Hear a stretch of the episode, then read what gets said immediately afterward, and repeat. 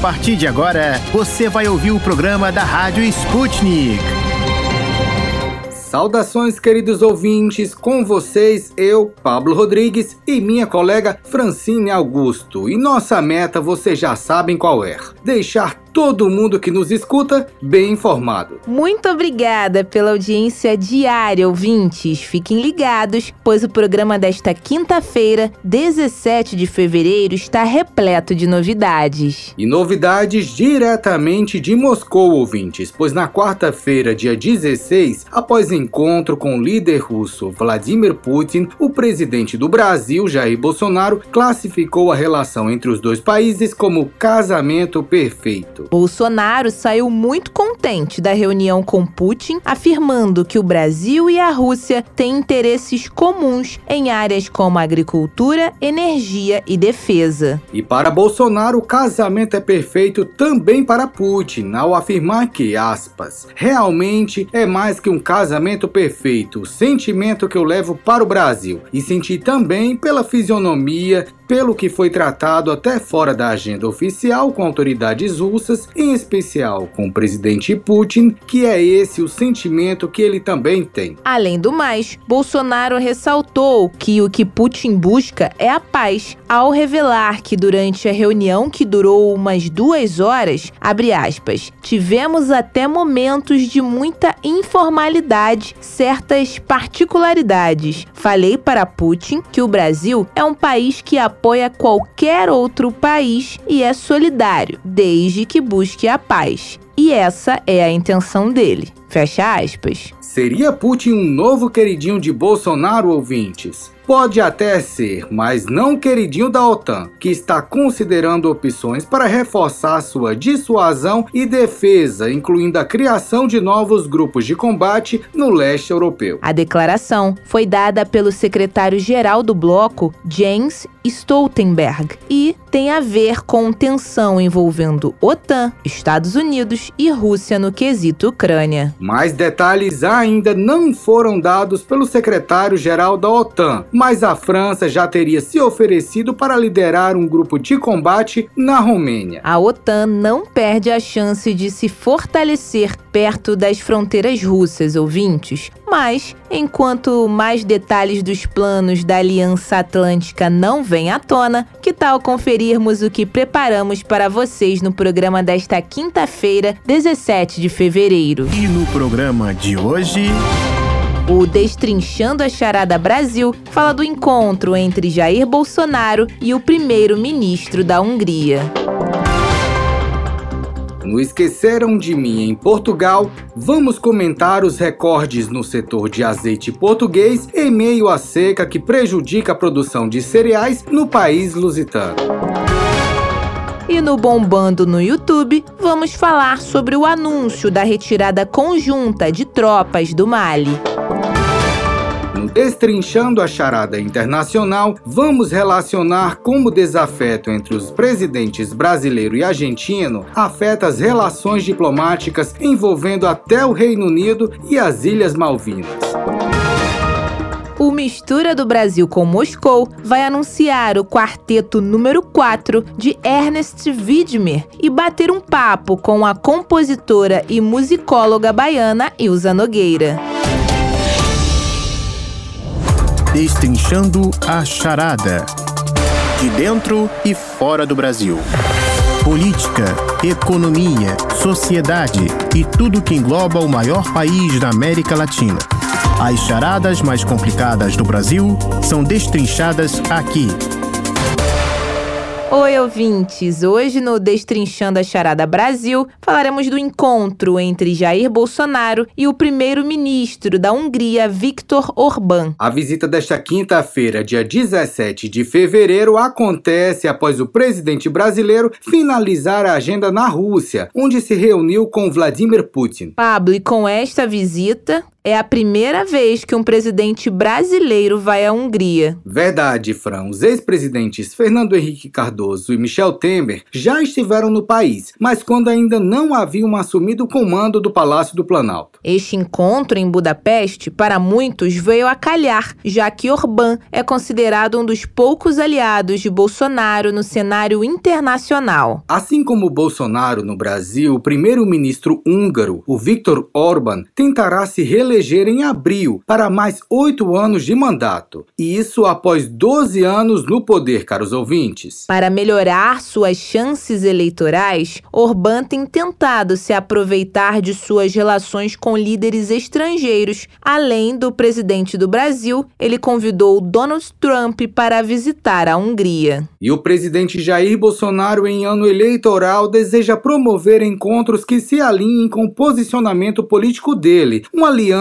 ideológica, segundo especialistas. O país tem se alinhado ao Brasil em pautas como a aprovação do acordo comercial entre Mercosul e União Europeia, bloco do qual a Hungria é membro. Orbán também apoiou a candidatura do Brasil a um assento temporário no Conselho de Segurança das Nações Unidas. Para esclarecer alguns pontos sobre estes dois líderes em busca de reeleição, a gente ouve agora uma análise da professora Ariane Roder, da Universidade Federal do Rio de Janeiro. Ela é cientista política e especialista em relações internacionais. No caso da visita à Hungria, é um claro gesto de apoio à sua reeleição o presidente novamente rompe com a tradição diplomática brasileira de não se posicionar frente às eleições internas de outros estados. E o que, que significa isso? Pois em situações de vitória de um candidato oposicionista ou apoiado, isso pode ter repercussões extremamente diretas e negativas para os interesses do país. Então, só para citar alguns casos recentes, o apoio a Trump, a oposição aberta feita a Alberto Fernandes na Argentina, são exemplos e casos típicos que têm gerado desdobramentos negativos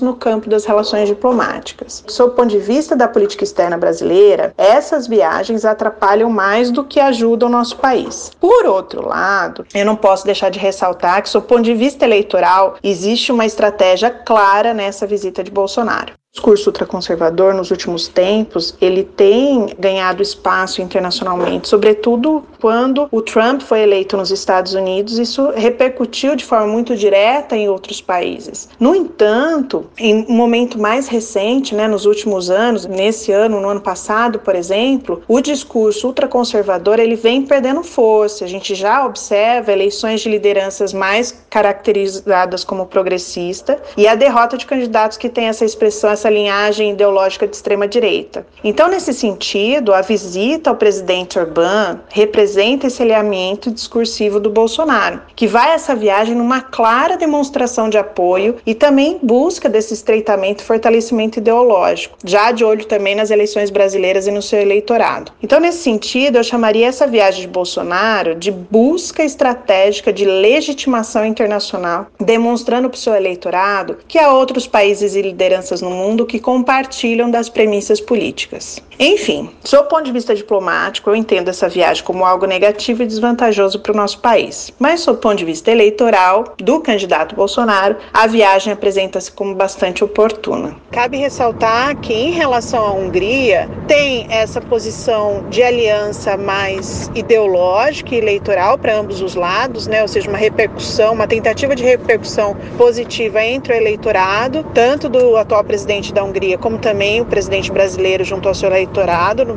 E também tem uma questão de posicionamento junto à Europa. Né? Acaba que a, o, o presidente Orbán é um dos únicos lideranças que ainda têm algum tipo de estreitamento de laços com o presidente Bolsonaro, ou seja, que tem algum tipo de diálogo. Então, também é uma forma, uma tentativa estratégica de estar presente ali entre os países europeus. Interessante as observações da cientista política e especialista em relações internacionais Ariane Roder, da Universidade Federal do Rio de Janeiro. Agora chamamos também para essa conversa o professor José Alexandre Altaide Rage, especialista em relações internacionais da Universidade Federal de São Paulo. Oi, professor. Agradecemos por aceitar nosso convite e conversar com a Rádio Sputnik. Alexandre, seria Victor Orbán o último líder apoiador de Bolsonaro na União Europeia? Eu acredito que nesse instante o Orbán seria o único líder realmente que contraria algumas normas da União Europeia, não é isso? Embora a Hungria ela seja membro da União, o governo Orbán tem dificuldades de lidar com a União Europeia. Talvez uma das explicações é porque ele não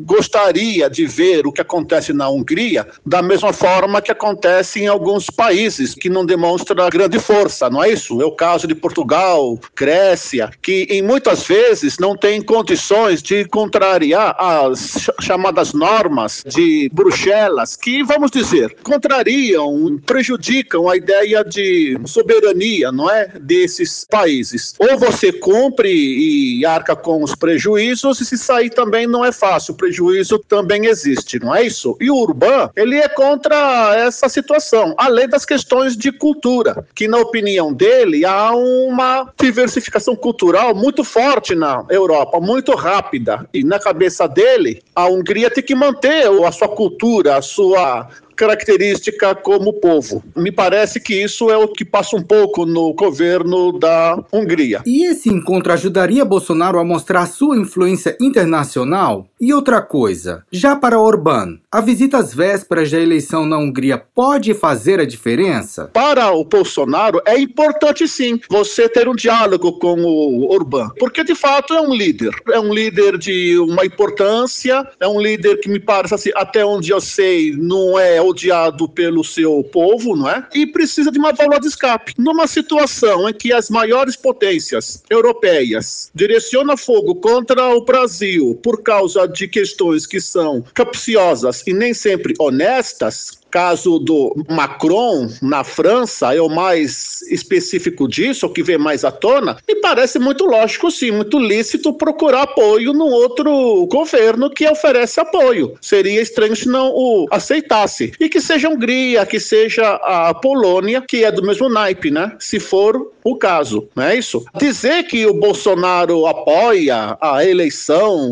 ou enfim, que a, ele prestigia, é algo que tem muito a ver, assim, essa opinião é de quem? Quem vê assim? Quem vê a presença de Bolsonaro na Hungria como um apoio velado a Urbán? Isso é na cabeça de quem? Porque isso tem a ver com interesse ideológico de quem pronuncia tal situação. Ou seja, por que que obrigatoriamente o Bolsonaro, é, a presença dele seria apoio a Urbán? Aí seria o seguinte, e se fosse do contrário? Se, por exemplo, e se o Bolsonaro fosse a Londres dialogar com o é, ministro? Automaticamente isso é apoio ao Partido Conservador que apoia esse presidente? E do contrário, também é válido se um ministro britânico, se um presidente americano vem ao Brasil para tratar com o Bolsonaro ou qualquer outro presidente em ano de eleição, automaticamente tem esse símbolo? O problema é que boa parte do debate que corre em torno de Bolsonaro, na minha opinião, ele é capcioso, ele é viciado. Não porque não pode haver problema problemas, não porque não pode haver críticas, é porque é baseado, à primeira vista, numa situação ideológica que parece não ter mais escape. O encontro pode ampliar as relações comerciais entre os dois países, principalmente no setor de defesa? Ora, se o intercâmbio possível com a Hungria permite a maximização de comércio e entrar em méritos um pouco difíceis de tecnologia, como defesa, se a Hungria puder demonstrar uma aptidão no intercâmbio de defesa, assim como a Rússia deu a entender no Lavrov que isso é possível, eu vejo com bons olhos isso. Eu não acho que seria um contratempo. A Hungria é um país de passado importante, é um país que agrega uma indústria, agrega um conhecimento, assim como a República Tcheca. Se forem aptos e se demonstrarem essa vontade de cooperar com o Brasil, não vejo nada contra. Professor, independentemente do ano eleitoral, visitas como estas podem trazer algum diferencial específico no andamento das negociações internacionais? Uma questão que também me toca um pouco é que no Brasil há muito esforço de fazer do Brasil um país pequeno, um país que talvez porque tenha Bolsonaro no poder e tenha feito alguns erros, no atacado há uma vontade de uma parte da intelectualidade da imprensa de fazer do Brasil um país pequeno, um país medíocre. Então assim, o que ele faz não tem mais efeito o que ele faz não tem valor. Agora, é um país que tem ainda o que dizer, é um país que tem ainda uma posição, é um país que tem ainda um peso específico, apesar da crise, apesar da perda de uma série de itens que tenha ocorrido nos últimos seis, sete anos me parece muito leviano de quem pronuncia isso dizer que a presença do presidente brasileiro num certo país que não tem efeito, que não agregue nada. Ah, vai lá para fazer o quê? Por outro lado, também tem que deixar claro, ainda que o Brasil seja um país grande, um país importante, não é pela presença dele que vai influenciar a tomada de decisão da população húngara para votar no Urban. Se vai votar no Urban, é porque alguma coisa, como diz a Hannah Arendt, não é? Num livrão dela, tem uma conexão entre o governo e o povo. Se não houver essa convicção, o povo se joa do mandatário, manda matar, prende, tira do poder. Professor José Alexandre, foram muito esclarecedoras suas informações. Tenho certeza que nossos ouvintes adoraram a nossa conversa. Verdade, Fran. Este foi o José Alexandre Altaide Rage, especialista em relações internacionais, professor da Unifesp. E vamos ficando por aqui com mais um Destrinchando a Charada Brasil. Até mais!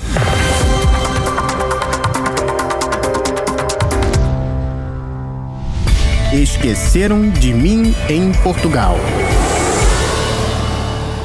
Senhoras e senhores passageiros, apertem os cintos de segurança porque estamos prestes a decolar rumo a Portugal. A tripulação Sputnik Brasil deseja a todos uma ótima viagem. Chegou a hora de aterrizarmos na terrinha e saber os principais destaques dos jornais por lá. Quem traz a notícia portuguesa com certeza é a nossa correspondente Luísa Ramos, direto de solo europeu. Olá, Luísa. Olá, Francine, Pablo e ouvintes da Sputnik. Bom, foi divulgado nesta quinta-feira, dia 17, pelos jornais portugueses que a produção de azeite deve registrar nos números da campanha de 2021 um valor recorde recorde, com um aumento de 46% na comparação com 2019. A maior colheita de todos os tempos fez com que o país lusitano pudesse fabricar 225 milhões de litros de azeite. Entretanto, o famoso produto português e queridinho nas mesas de inúmeras famílias tem sua celebração de alta recorde ofuscada pelos mínimos históricos na produção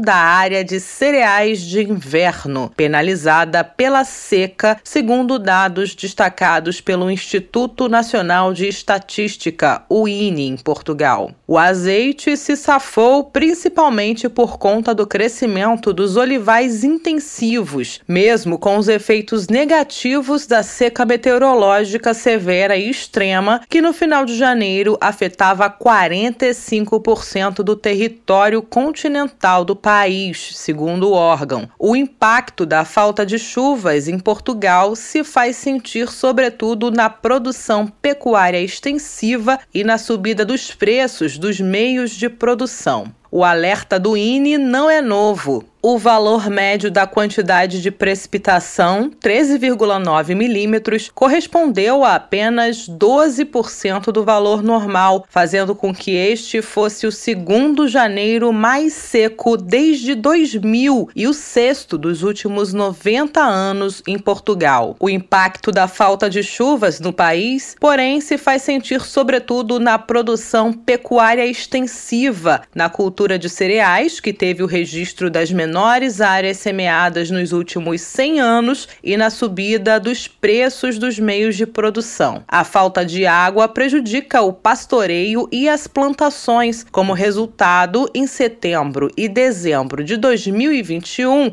o preço dos alimentos para os animais, né, para alimentar essa produção extensiva, aumentou 17%. E a área de cereais de inverno para grãos deverão ser 5% inferiores às do ano de 2020. Além disso, desde setembro de 2021, o preço dos adubos também aumentou. Pasmem, 73% mais caros. Isso acaba impactando também no bolso do consumidor. Por exemplo, quem consome aveia deve se preparar, pois está prevista uma redução na produtividade do cereal na ordem dos 40%. O Instituto Português destaca, aspas, este cenário de seca, aliado à subida dos preços dos meios de produção, tem gerado incertezas e preocupação crescente no setor. E a equipe de reportagem da Sputnik Brasil em Portugal fica de olho também nessa situação para trazer por aqui todas as notícias atualizadas sempre. Nosso Esqueceram de Mim em Portugal fica por aqui, caros ouvintes. Um beijinho e até amanhã. Ultimamente, notícias que envolvem o clima andam pintando um quadro assustador no âmbito econômico.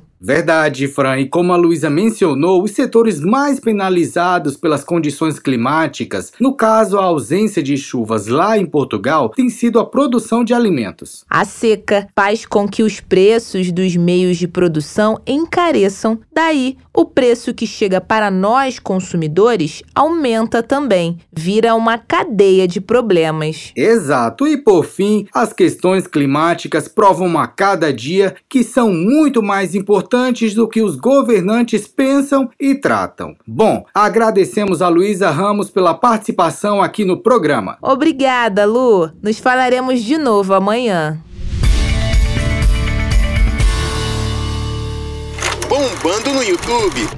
Curtidas e mais curtidas da Rússia ao Brasil. Confira com a Rádio Sputnik os vídeos que receberam mais likes e visualizações e estão no topo do YouTube.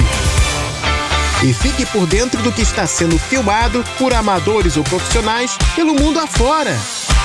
Agora, os nossos ouvintes vão ficar por dentro dos cinco vídeos mais curtidos e visualizados no YouTube. Isso é uma missão para Tito da Silva. É ele quem vai contar as novidades do YouTube diretamente da redação da Sputnik Brasil em Moscou. Oi, Tito. Olá, queridos amigos da Rádio Sputnik. Eu sou Tito da Silva e estes são os vídeos que estão bombando no YouTube nesta quinta-feira, 17 de fevereiro. No primeiro vídeo de hoje, as Forças Armadas da Ucrânia bombardearam diversas localidades na região de Donbass, segundo milícias das autoproclamadas repúblicas de Donetsk e Luhansk. Imagens mostram áreas que foram bombardeadas. Por sua vez, as milícias afirmaram que abriram fogo em resposta ao bombardeio ucraniano. Já Kiev negou que tenha utilizado sua força militar contra o Donbass nesta quinta-feira. Para assistir ao vídeo, é só digitar no YouTube. Ucrânia bombardeia várias localidades em Donbass. No segundo vídeo de hoje, um helicóptero militar dos Estados Unidos foi filmado realizando uma operação na fronteira da Ucrânia com a Romênia em meio a tensões no leste europeu. A aeronave levou quatro militares norte-americanos para a região de fronteira. Os soldados ficaram 40 minutos no local e sua presença chamou a atenção de populares. Após o período, o helicóptero retornou e retirou os soldados da zona de fronteira. Segundo um canal de TV romeno, citando fontes militares, a ação teria sido uma operação de rotina. Encontre o vídeo digitando helicópteros dos Estados Unidos pousam nas fronteiras da Ucrânia. E no terceiro vídeo de hoje, a França e seus aliados, por uma declaração conjunta, anunciaram a retirada de suas tropas do Mali. A decisão foi tomada após desentendimentos entre autoridades do governo de transição do país africano e Paris. A declaração afirma que o Mali criou obstáculos que impediam a continuação da missão militar que lutou por cerca de nove anos contra grupos armados. Para assistir ao vídeo, digite assim: França se vê incapaz de continuar missão militar no Mali e anuncia retirada de tropas. No quarto vídeo de hoje, o presidente Jair Bolsonaro fez declarações sobre as relações que o Brasil possui com a Hungria enquanto visita o país europeu. Depois de passagem na Rússia, Bolsonaro foi para a Hungria se encontrar com o premier Viktor Orbán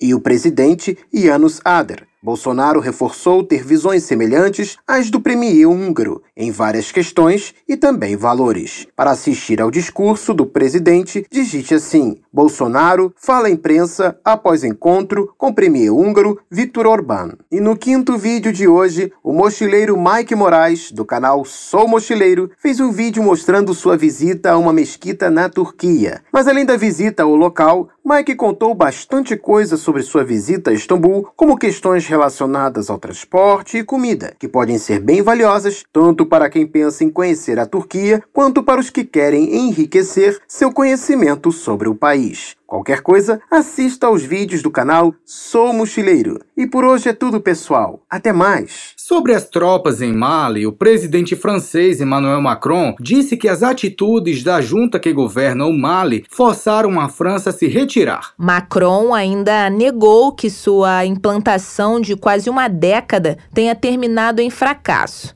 O comunicado aponta obstruções por parte da junta militar maliana. O primeiro-ministro do Mali criticou a intervenção francesa, dizendo que ela, na realidade, ajudou os terroristas, pois a França supostamente permitiu que eles se reagrupassem e continuassem suas atividades. A retirada vai demorar de quatro a seis meses, anunciou Macron, que decidiu em 2021 iniciar uma redução da presença militar. A gente lembra que as forças francesas estiveram presentes no Mali desde 2013, quando responderam a pedidos de ajuda para combater militantes no norte do país. Tito, muito obrigada pelo top 5 do YouTube. Até mais!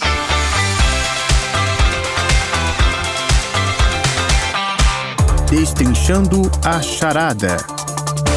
Encruzilhada Internacional.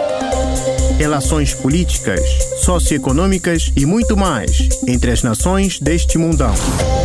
Da Rússia aos Estados Unidos. Encontre com a gente as respostas às perguntas do momento. Hoje vamos destrinchar por aqui como o Brasil anda balanceando a manutenção de boas relações com a vizinha Argentina, considerando o desafeto pessoal entre os presidentes Jair Bolsonaro e Alberto Fernandes. Isso mesmo, e este tópico atinge diretamente as relações brasileiras com o governo britânico e a questão das Malvinas, as também conhecidas como Ilhas Falklands, um território cuja soberania é alvo de disputa há mais de 180 anos entre Argentina e Reino Unido. Pois bem, em janeiro, o Brasil permitiu o pouso de sete voos da Força Aérea Real Britânica no Rio, São Paulo e Porto Alegre que iam em direção às Malvinas. A atitude nacional causou desconforto nos hermanos. Em nota oficial, o governo argentino, representado em Brasília pelo embaixador Daniel Scioli, manifestou surpresa e preocupação com a passagem dos aviões militares britânicos em aeroportos brasileiros. O Itamaraty disse em 8 de fevereiro que, embora apoie as reivindicações de soberania da Argentina sobre as ilhas, esse apoio não afeta sua importante parceria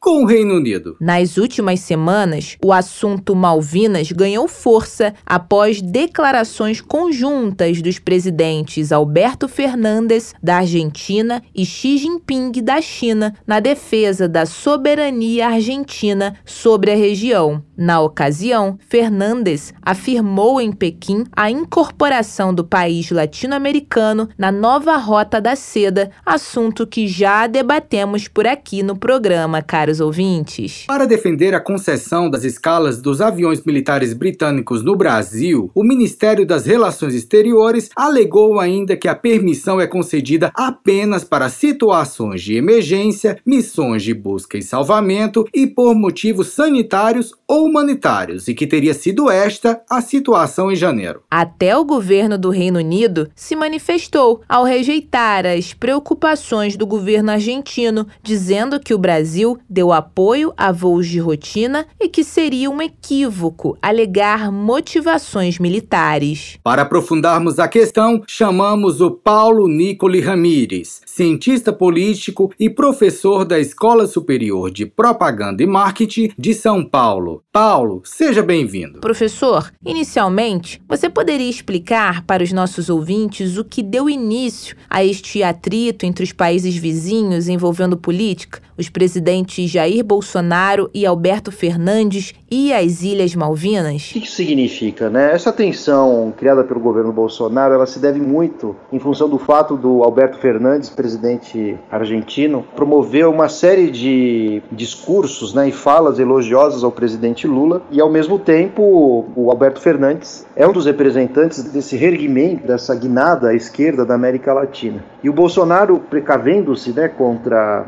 essa ascensão da esquerda aqui no Brasil do Lula, ele resolveu então se opor ao Alberto Fernandes, que não só faz elogios ao Lula, como também vem tecendo já há algum tempo críticas ao governo Bolsonaro. Então, uma forma do governo brasileiro responder do ponto de vista diplomático é exatamente tocando talvez uma das principais feridas né, da sociedade argentina, que são as Ilhas Malvinas, que são reivindicadas pelos argentinos, porém, já em dois ou três plebiscitos, né, a população da ilha decidiu que queria ficar submissa à autoridade inglesa. Portanto, a ilha é reconhecida como um território inglês, inclusive pelas Nações Unidas. Entendido, Paulo Nicoli. Vem cá, você poderia agora comentar o resultado dessa história que recentemente preocupou o governo da Argentina com a autorização para escalas de sete aeronaves militares britânicas no Brasil? O que esta atitude representa no contexto das relações entre os presidentes brasileiro e argentino? Bom, o resultado dessa história toda é que um dos assuntos mais delicados né, na Argentina são as Ilhas Malvinas. Tanto é que talvez seja a única pauta, a principal pauta capaz de unir todos os argentinos, sejam eles de esquerda, de direita, mesmo aqueles que têm algum grau de nostalgia com a ditadura né, argentina, quando o conflito foi operado ali no início da década de 80. Né? Bom, resultado: a resposta de Bolsonaro, Alberto Fernandes, né, ao se aproximar de Lula e criticar o Bolsonaro foi exatamente né, a atitude do governo brasileiro de auxiliar, digamos assim, os ingleses nas rotas de acesso e até mesmo abastecimento né, das Ilhas Malvinas. Óbvio que é um ato de provocação e que acaba, sim, por favorecer os ingleses e ao mesmo tempo um ato de provocação aos argentinos. Né? Então essa é uma toada, né? uma característica do governo Bolsonaro né? de sempre provocar as esquerdas e qualquer liderança política na América Latina que ouse, digamos assim, criticá-lo. Né? É mesmo porque a Argentina, mais uma vez, né, essa, essa discussão dentro da imprensa argentina, dos agentes, dos atores políticos argentinos, né, de promover uma nova reivindicação pelo território. A Kirchner e Alberto Fernandes, durante as, as, últimas eleições presidenciais, mais uma vez tocaram no assunto. Diante do fato de que a Argentina passa por uma grave crise econômica e política também, né, inclusive com rupturas entre apoiadores do presidente da vice, né, ou seja, do Alberto Fernandes e da Kirchner, uma maneira de tentar angariar apoio popular é exatamente o assunto das Ilhas Malvinas. Agora, falando um pouco sobre as relações internacionais entre Brasil e Reino Unido, por que é importante manter boas relações com os britânicos? Bom, isso se deve por uma série de investimentos, relações internacionais e, sobretudo, né, por uma relação de dependência que o Brasil tem com as grandes potências econômicas, seja os Estados Unidos, a Inglaterra, lembrando que a Inglaterra é governada pelo Boris Johnson, que é um governante de tendências conservadoras. Lembremos que ele encerrou o processo do Brexit, né, definitivamente garantindo a saída da Inglaterra da zona do euro. Lembremos também que início da pandemia, o Boris Johnson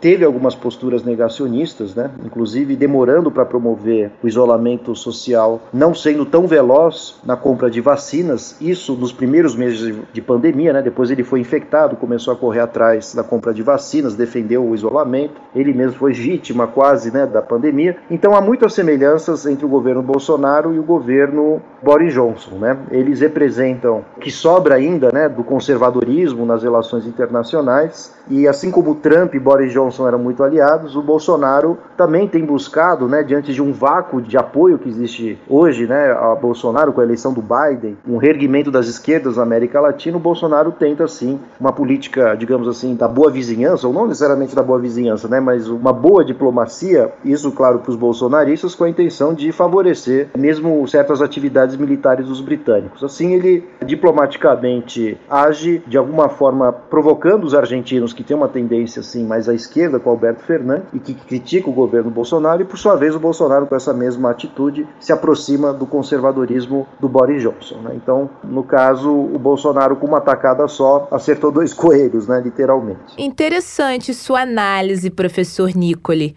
Mas e o contexto das relações exteriores? O Brasil também não deveria tentar manter boas relações com a Argentina? Afinal, somos países vizinhos. Neste caso, qual é a marca da influência do atrito pessoal entre os presidentes Bolsonaro e Fernandes, professor? E o que o Mercosul tem a ver com essa história? A gente tem que analisar o governo Bolsonaro e a sua relação com o governo argentino a partir de dois momentos, né? No primeiro ano, primeiro ano e meio, quando o presidente era o Macri, o Macri era um apoiador de Bolsonaro e vice-versa, né? também representante da ala neoliberal, conservadora ou com alguns traços conservadores, pelo menos na Argentina, o Macri. Então isso fazia com que nessa primeira fase né, de governo Bolsonaro, mais ou menos um ano, ano e meio, ele conseguisse tecer relações com a Argentina, com as pautas conservadoras, privatizadoras e liberalizantes. No entanto, a Argentina passou por um processo eleitoral no, primeiro e segundo ano de mandato né, do governo Bolsonaro, e quem acabou sendo eleito na Argentina foi Alberto Fernandes,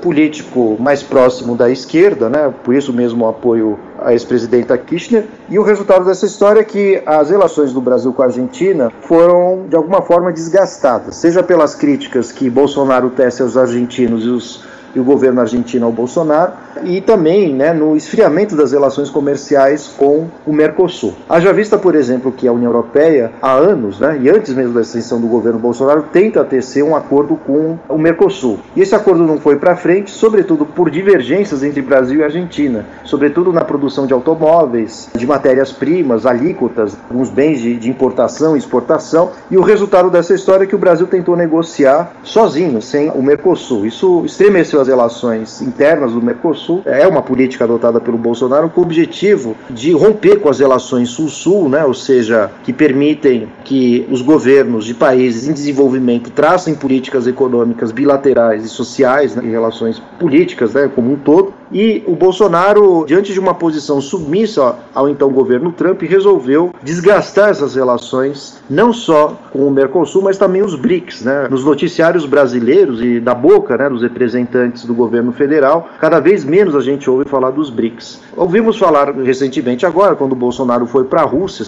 mas o Bolsonaro, o máximo que foi fazer agora é, em relação com os BRICS foi representar os interesses comerciais do setor do agronegócio em função da compra de fertilizantes para o plantio. Então o Brasil perdeu muita força nas articulações com os blocos econômicos, sejam os BRICS, seja o Mercosul. Então, dentro desse pacote está incluída o desgaste das relações com os governos da América Latina, em especial o argentino, uma vez que ele tem tendências de esquerda. Né? Então, esse é o contexto. Professor, quais outros setores podem ser afetados neste atrito de relacionamento entre Brasil e Argentina em geral? De fato, é, representa um desgaste, uma ruptura né, entre os governos da Argentina e do Brasil. Né? Isso prejudica o fortalecimento das relações econômicas, políticas, sociais, entre elas né, a questão, por exemplo, do setor automotivo, que a gente viu no ano passado, uma série de empresas fechando aqui no Brasil, inclusive a Ford, e a Argentina, por sua vez, mantendo a sua indústria. Né? Isso se justifica por falta de uma articulação, né, uma negociação do Brasil com a Argentina, isso é só um dos exemplos né, para a gente dar aqui, assim como também o setor de produção de eletrodomésticos. Né? Brasil e Argentina faziam muitos intercâmbios de peças e equipamentos voltados à produção de bens mais pesados, geladeiras, fogões, fora os próprios automóveis, né? mas há uma redução com o governo Bolsonaro da escala né, de parcerias, não só do Brasil com a Argentina, mas com o Mercosul como um todo. Por que esses problemas? Apenas em função da crise econômica? Não necessariamente, né? porque as crises econômicas, como essa da pandemia que a gente está vivendo hoje, seria também uma possibilidade de oportunidades né, para que novas relações diplomáticas mais intensas, econômicas, pudessem ser criadas. O Bolsonaro não buscou isso. É uma política internacional de submissão aos interesses norte-americanos, muito mais com Trump do que com Biden, né? Um distanciamento entre Biden e Bolsonaro, sem dúvida nenhuma, o que também motivou o Bolsonaro a procurar a viagem com Putin, né? Sem retroceder, mesmo diante de uma crise tão forte mas há graves problemas de articulação né, entre Brasil e Argentina no setor agrícola, setor industrial, principalmente, isso em função dos desalinhos e desacordos né, entre as falas públicas, tanto do Alberto Fernandes quanto também do presidente Bolsonaro. Né? Podemos afirmar então que a inimizade entre os dois presidentes causa sim problemas diplomáticos. Mas, Nicole, o que ainda sobrevive de positivo desta relação entre Brasil e Argentina? São inimizades, sem dúvida, mas que mantêm uma mínima compostura né, frente a outros interesses diplomáticos, políticos, comerciais, mesmo porque hoje o Bolsonaro é muito pressionado pelo Centrão e o Centrão não quer saber de perder clientes e negócios, uma vez que ele é o grande dominante do setor agrícola brasileiro. Né? Há muitas exportações de bens brasileiros para a Argentina e vice-versa, ainda assim. Né? O Brasil é um dos principais parceiros comerciais argentinos. E óbvio que essa briga não interessa a ninguém, nenhum dos dois lados. Por isso mesmo que Bolsonaro, nos últimos tempos, tem emitido menos opiniões sobre Alberto Fernandes publicamente. No entanto, vem tomando algumas decisões polêmicas, entre elas né, de ceder território brasileiro para escalas né, de aparelhos militares, aviões também do Reino Unido. Né? Devemos esperar algum retorno argentino em resposta à atitude de conceder pouso à Força Aérea Real Britânica pelo governo Bolsonaro, que tanto desagradou Alberto Fernandes? O fato é que essas artimanhas bolsonaristas que privilegiaram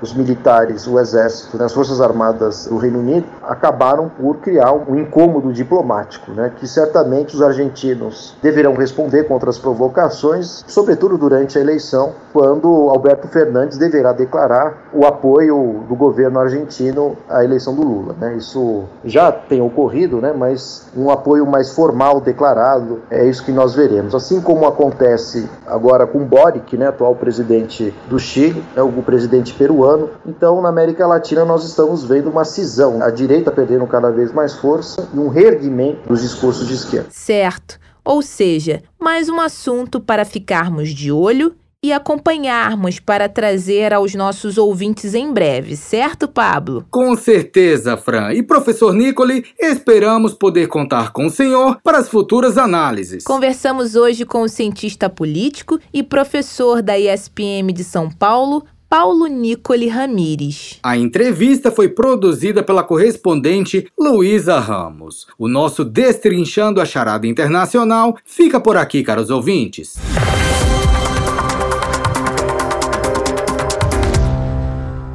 Mistura do Brasil com Moscou.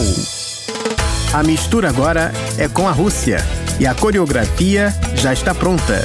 Com os gingados russos e brasileiros, as relações estão em sintonia entre estes dois gigantes.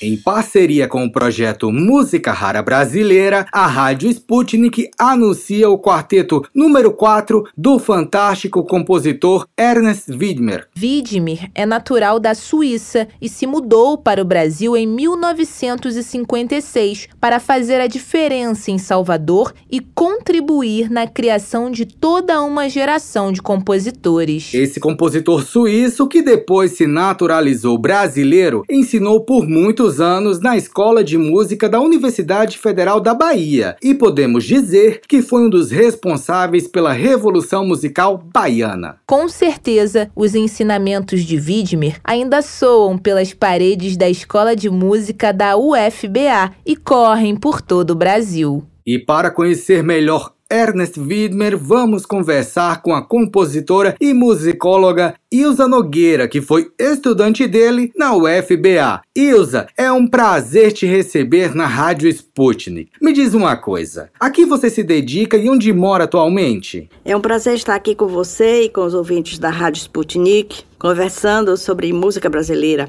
Eu sou Ilza Nogueira, compositora e musicóloga. Moro em João Pessoa, capital do estado da Paraíba. Eu não sou paraibana, sou baiana e aqui eu estou desde 1978, nesta cidade que é a terceira mais antiga do Brasil e conhecida também pelo slogan Onde o Sol Nasce Primeiro, porque estando no extremo leste do Brasil e das Américas, nós aqui já temos sol antes das 5 da manhã. Se diz também que João Pessoa é a capital mais arborizada do Brasil e até reconhecida pela ONU como uma das mais verdes do mundo. E aqui eu lecionei 25 anos no Departamento de Música da Universidade Federal da Paraíba. Hoje eu estou aposentada das salas de aula, mas ativa como compositora e também como pesquisadora bolsista do Conselho Nacional de Desenvolvimento Científico e Tecnológico, o CNPq, desenvolvendo estudos nos campos da teoria composicional e da análise do discurso musical. Ilse, eu sou do Rio Grande do Norte e nunca visitei João Pessoa, acredita? Já morei na Paraíba, mas ainda não tive a chance de conhecer a capital do estado onde você mora. E você, Francine, já visitou João Pessoa? Nunca, Pablo, mas morro de vontade também. Ilza, poderia contar um pouco sobre o quarteto número 4 de? Quando esta obra foi composta? Esta obra foi composta há 46 anos. Ela data de 1976 e foi dedicada ao Quarteto de Cordas da Universidade de Brasília, um conjunto de excelentes profissionais naquela época, cujo primeiro violino, o pernambucano Moisés Mandel, e cujo violista, o alemão Johann Georg Scheuermann, haviam sido professores da Escola de Música da Universidade Federal da Bahia, onde conheceram muito bem o compositor Ernst Widmer. Essa obra foi estreada no mesmo ano da composição, em São Paulo, mas eu não tenho notícia de alguma gravação profissional. Este é o quarto quarteto de uma série de série enumerados por Widmer e compostos entre 1962 e 1987. E para o meio quarteto de cordas, além dessa série, Widmer também compôs uma peça independente intitulada Interface, de 1986. E existem também um quarteto e uma fuga para quarteto de cordas anteriores a essa série e que datam do período de estudante do compositor no Conservatório de Zurique, na década de 1940. E em que fase da trajetória composicional de Widmer se encaixa o quarteto número 4 dele, Ilza? Bem, se consideramos que o Opus 1 de Widmer, que são cinco pecinhas para cura capela, data de 1949, sua última obra data de 1989, temos aí uma trajetória composicional de 40 anos. Então, o Quarteto 4 de 1976, ele inicia a terceira parte de sua trajetória composicional e é, portanto, uma obra de maturidade artística de Widmer, composta aos 20 anos de sua chegada ao Brasil, na Bahia. Para quem conhece a obra de Widmer, um dos sinais dessa maturidade é a interrelação musical que as obras dessa fase em diante guardam entre si. Então, pode-se perceber que a cada obra o compositor submete seus materiais e procedimentos composicionais prediletos a novos testes de efetividade, comprovando-os como achados composicionais e marcando sua identidade musical. Achados? Como assim achados? Esses achados são motivos derivados de modos do folclore brasileiro sertanejo, concepções rítmicas que guardam similaridades com as assimetrias características do estilo da emiola africana, ou seja, dos metros compostos de subdivisões irregulares de dois e três pulsos. São texturas marcadas pela interação instrumental na construção de ideias musicais partilhadas entre os instrumentos, ou seja, distribuídas na textura musical. São concepções estruturais que são marcadas pela sequência de contrastes, geralmente entre o lírico introvertido e extroversões dançantes, e principalmente uma concepção do todo organicista, em que o processo de variação de uma ideia fundamental ele é explorado à exaustão. Uma curiosidade do Quarteto 4 é que, em vez de uma estrutura musical em movimentos cronologicamente organizados, ele tem duas partes de igual duração, cuja sequência não importa, ou seja, pode se iniciar com qualquer uma. Ilza, Widmer tinha uma relação muito profunda com a Bahia, verdade? Eu diria que Ernst Widmer foi um suíço perfeitamente ajustado ao figurino típico do baiano. Bem-humorado, lento no falar e no andar, calmo, descontraído. Eu diria que a Bahia conduziu Widmer a encontrar-se como músico, Salvador com seus contrastes integrados, religiosidade e erotismo, montes e vales, sol e água, foi o lugar perfeito para ele desenhar a geografia de sua obra, representativa da natureza e da cultura desse pedaço de África no Brasil. Ele nasceu em Aral, capital do cantão da Argóvia, e chegou à Bahia em 56, com 29 anos de idade, casado com uma cantora brasileira que ele conheceu na Suíça, chamada Sônia Born. Então, vindo de uma sociedade obcecada pela segurança, ele buscou a incerteza e encontrou no Brasil, e especialmente na displicência congênita da Bahia, esta incerteza. E encontrou também na Bahia um palco de ensino livre e aberto à criatividade estudantil, certo? Bom, na então nova Universidade da Bahia, ele encontrou, quando chegou, uma novíssima escola de música denominada Seminários Livres de Música, criada havia dois anos pelo maestro alemão Hans-Joachim Kohlreuter. A concepção pedagógica implementada por Kohlreuter, livre de programas curriculares, aberta ao experimento e à criatividade docente, né? Isso imediatamente cativou esse professor suíço. E em 63, apenas com seis anos de Brasil, ele veio a substituir Kohlreuter na administração da escola e na docência de composição. E seus primeiros alunos não foram selecionados por desempenho musical, mas pela curiosidade despertada por um professor que os estimulava a criarem sem regras teóricas, admitindo ideias musicais de qualquer procedências culturais. O que dava aos estudantes uma abertura muito maior na hora de compor, não é mesmo, Ilza? Widmer era capaz de despertar no aluno a curiosidade pelo que eu chamaria de culinária musical o experimentar de misturas inovadoras, valorizando o contexto cultural do aluno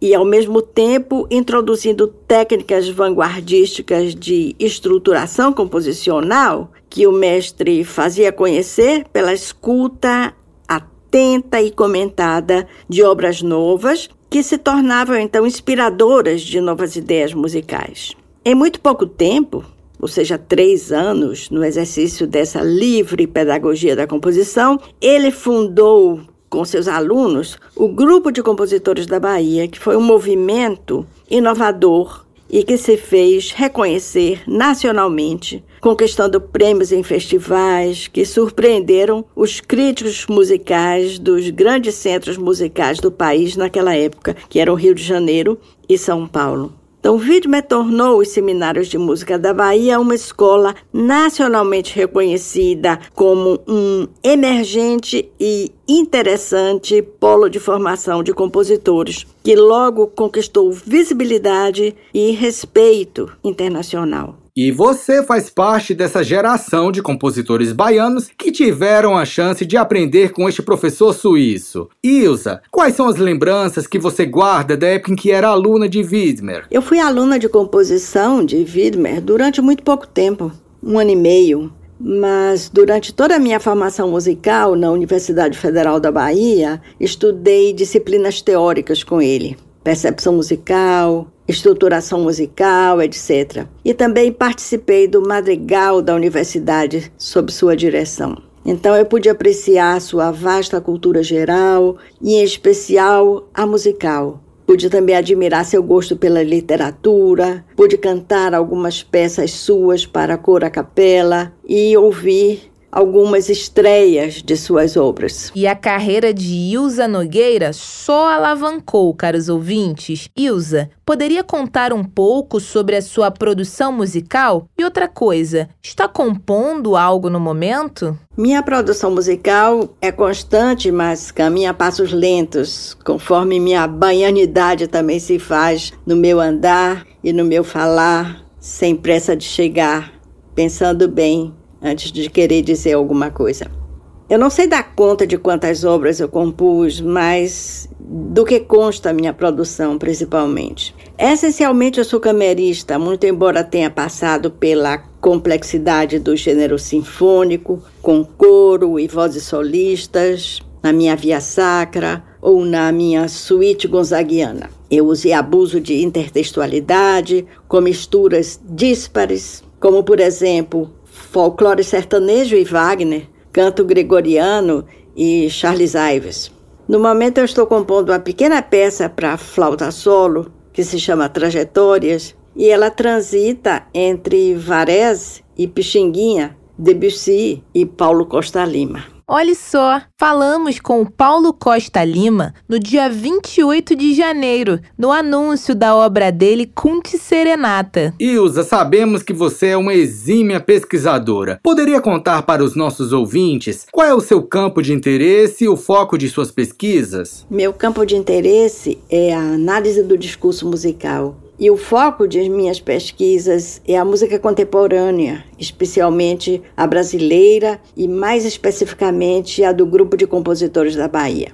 Muito do que eu já produzi se encontra disponibilizado no site denominado Marcos Históricos da Composição Contemporânea na Bahia, onde se encontram três tipos de produtos em formato de livros eletrônicos, que são edições de partituras com comentários analíticos, edições de textos teóricos dos compositores com comentários críticos e catálogos de obras. Eu já me interessei muito pela análise estrutural, pelo entendimento funcional da interação dos elementos de música, pelas interrelações entre a obra e as tradições musicais circunvizinhas, entre a obra e o seu contexto sociohistórico. E mais recentemente eu venho me interessando pelo tema das narrativas musicais, do significado em música, e para isso eu tenho adentrado na interdisciplinaridade com a teoria psicanalítica lacaniana,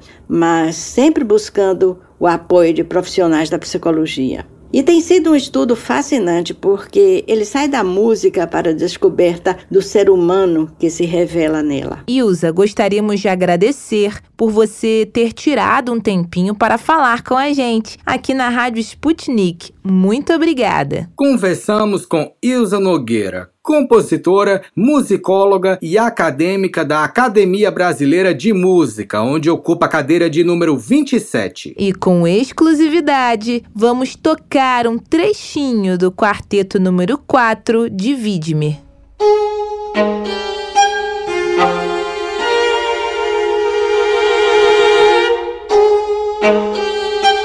Quem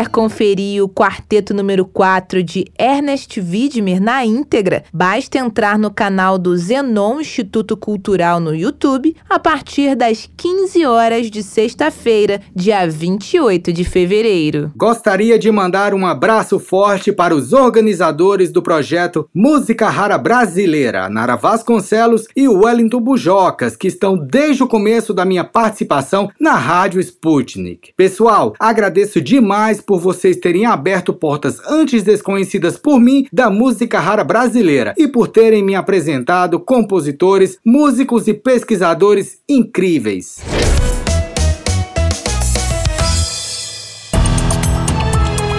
Hora de dar tchau.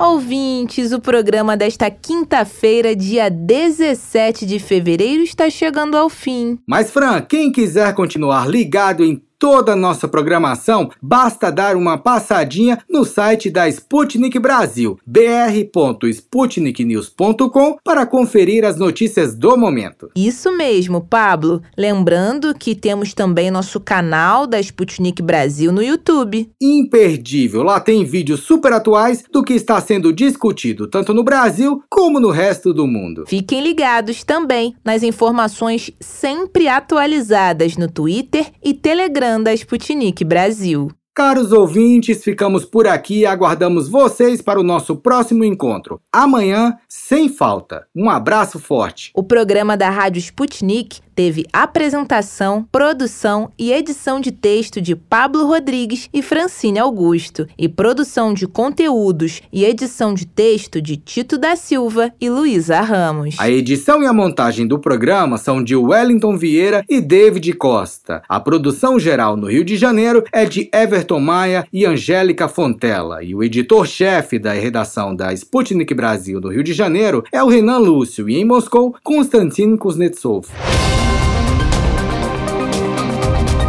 Você acabou de ouvir mais um programa da Rádio Sputnik.